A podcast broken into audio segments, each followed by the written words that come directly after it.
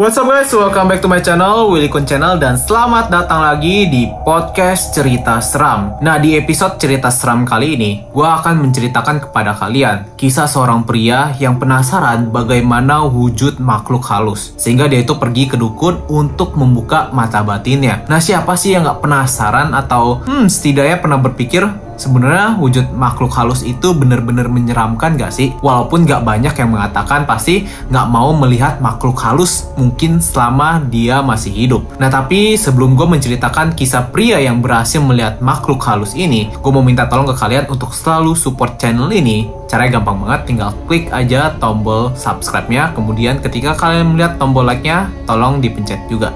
So langsung aja gue akan menceritakan kisah ini kepada kalian.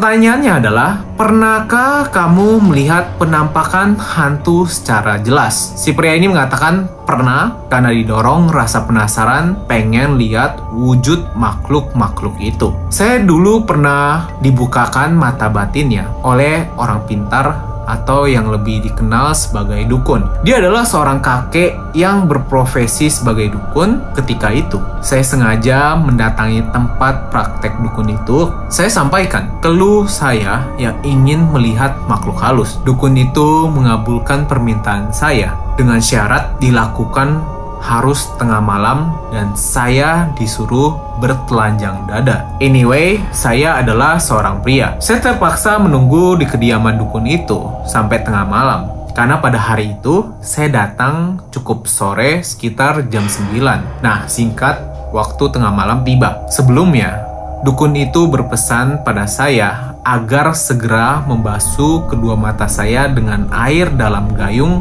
apabila saya tidak kuat melihat makhluk-makhluk itu nantinya. Saya hanya mengangguk, maka dilakukanlah proses ritual membuka mata batin saya oleh dukun itu. Saya beserta dukun itu memasuki sebuah ruangan yang biasa digunakan untuk praktek oleh dukun itu. Saya disuruhnya bertelanjang dada dan hanya mengenakan celana dalam. Saya disuruh duduk bersila di atas tikar dan pejamkan mata. Ketika itu, saya juga merasakan ada tangan dukun memegang kepala saya untuk beberapa lamanya. Terasa ada hawa dingin mengalir ke kulit kepala saya melalui tangan kakek dukun itu. Setelah itu, saya disuruh membuka mata. Kakek dukun itu mengatakan, Selamat bahwa saya sudah bisa melihat makhluk halus sejak saat itu. Lalu dia menyuruh saya keluar dari ruangan dan menyuruh saya pergi ke pekarangan belakang rumahnya. Sesampainya di pekarangan rumah belakang si kakek, saya hanya berdiri terpaku dengan memegang gayung. Udara malam itu sangat dingin dan pandangan saya hanya menjumpai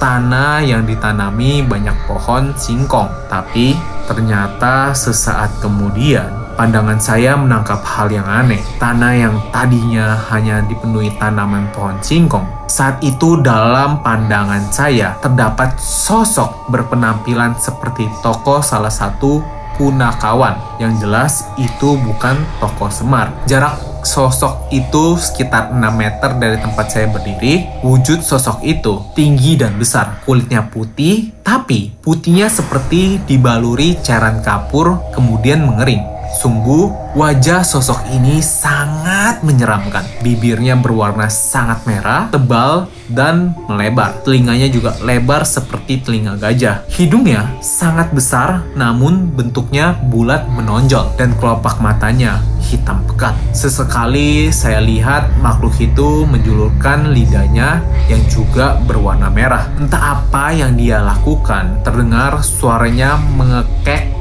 ketika menjulurkan lidahnya. Tiba-tiba, wajah makhluk itu menatap ke arah saya, dan saat itu kedua matanya terlihat jadi menyala merah. Kedua telinga makhluk itu yang lebar bergerak-gerak seperti kipas, dan terlihat makhluk ini lebih sering menjulurkan lidahnya sambil terus menatap ke arah saya. Dalam hati, saya berkata, "Sedang apa makhluk ini?" Seketika itu, ada yang meraih gayung di tangan saya dan menyiramkan air di dalamnya ke wajah saya. Ternyata kakek dukun yang melakukannya. Tentu saja, sosok itu langsung lenyap dari pandangan saya. Saat itu juga, saya sudah dinormalkan kembali kakek dukun itu mengatakan bahwa saya sedang tidak beruntung karena tidak melihat jenis makhluk halus seperti kuntilanak, korin manusia, genderuwo, atau setan api, malah menjumpai makhluk tersebut, kata kakek.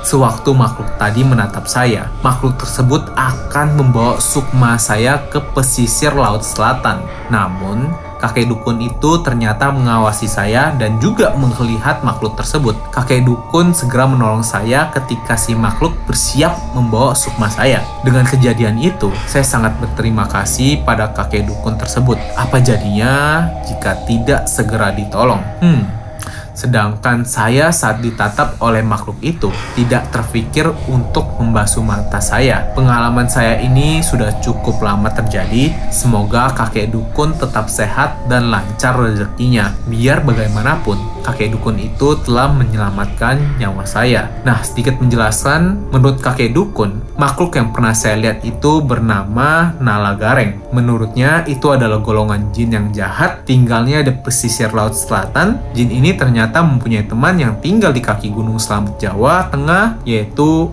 jin yang disebut Mbah Petruk. Menurut kakek dukun, biasanya pada setiap satu suro, kedua makhluk ini bertemu di sekitar sungai Serayu. Nah, aneh kan? Ternyata ada makhluk halus seperti toko punah kawan dalam pewayangan. Memang aneh, tapi ada. Nah, itulah kisah yang diceritakan oleh sang penulis dan setelah gue cari tahu dan sorry ya ini gue juga nggak terlalu kenal dengan toko perwayangan tapi setelah gue cari tahu Nala Gareng adalah salah satu toko yang ada di wayang dan gambarnya ini memang wujudnya matanya merah hidungnya seperti yang dijelaskan hidungnya berbulat merah gitu tubuhnya ini tapi tidak putih ya dia itu sudah hitam mungkin karena namanya Nala Gareng ya. Nah di sini setelah gue cari tahu rupanya Nala Gareng adalah anak angkat dari Semar di mana dulunya dia itu sempat kayak bertengkar dengan sahabatnya yang bernama Petruk itu karena mereka terus terus bertengkar dan mereka kekuatannya skillnya sama-sama seimbang tidak ada yang kalah dan tidak ada yang menang. Sampai waktunya itu mereka sampai tubuhnya udah cacat-cacat dan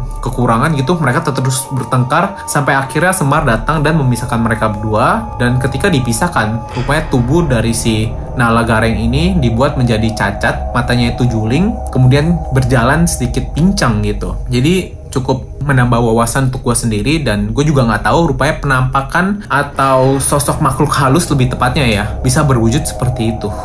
Nah gimana buat kalian sendiri? Kalian ada gak sih yang pernah pengen dibukakan mata batinnya atau kalian pernah membuka mata batin kalian? Coba ceritain kisah kalian di kolom komentar atau kalian juga bisa DM gue di Instagram untuk gue ceritakan lagi di podcast cerita seram ini. Nah itu dia konten hari ini guys. Makasih yang udah menonton konten ini dan sehat selalu ya guys. Gue Walikun izin untuk undur dulu. See you guys di konten berikutnya. Bye bye.